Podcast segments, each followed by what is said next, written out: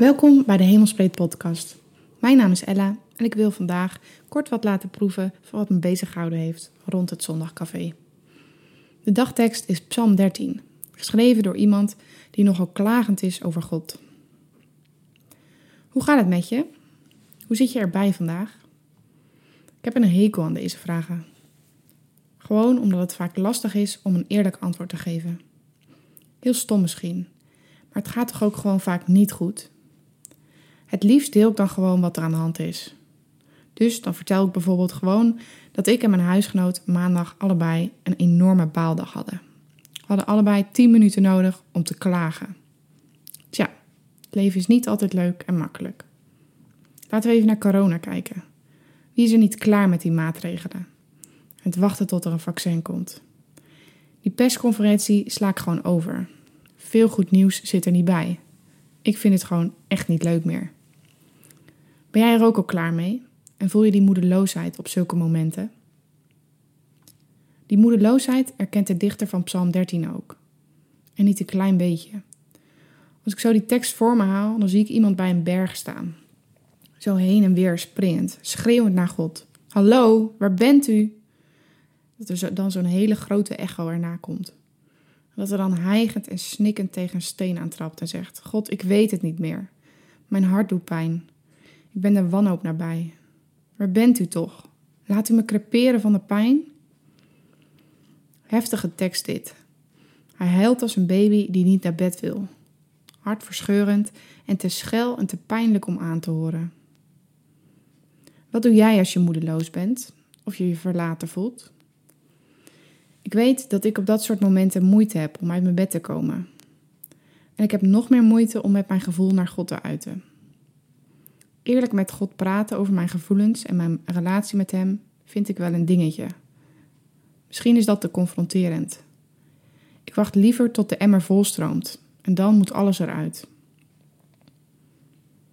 Hoe doe jij dat als je niet lekker in je vel zit? Ga je dan door of neem je tijd voor jezelf? Wacht jij tot de emmer volstroomt of ben je eerlijk? Klaag je dan of mag dat klager niet zijn? Voelt het als pessimisme misschien?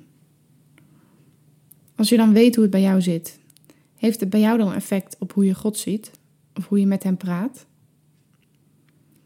Ik vraag me af, hebben sommige mensen niet een te perfect plaatje van bidden in hun hoofd?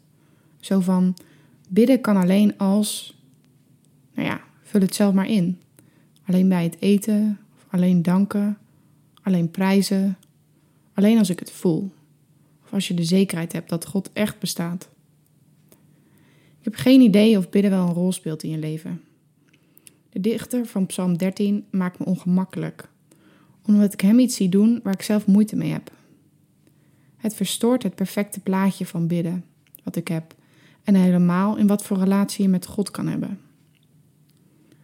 Volgens mij maakt het niet uit, maakt het voor God niet uit wat je bidt en waar je bidt. Kijk naar Jezus. Hij gaf nogal veel voorbeelden. Als ik lees wat hij erover zei, dan komt het erop neer dat je met je hart en hoofd moet bidden. Geen perfect plaatje dus, maar gewoon puur de waarheid. Wie God ook voor je is, al zie je hem niet of voel je hem niet of ken je hem niet, praat maar tegen hem. Hij luistert naar je vragen, naar je tranen, je geklaag, je moedeloosheid. Het hele pakket. Hij wil een relatie met jou.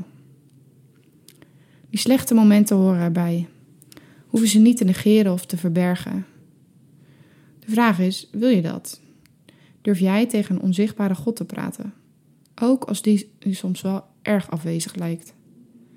Als je vragen hebt aan God, de eeuwige, papa, of hoe je hem dan ook noemt, daag ik je uit om je hart open te maken en om eerlijk te zijn.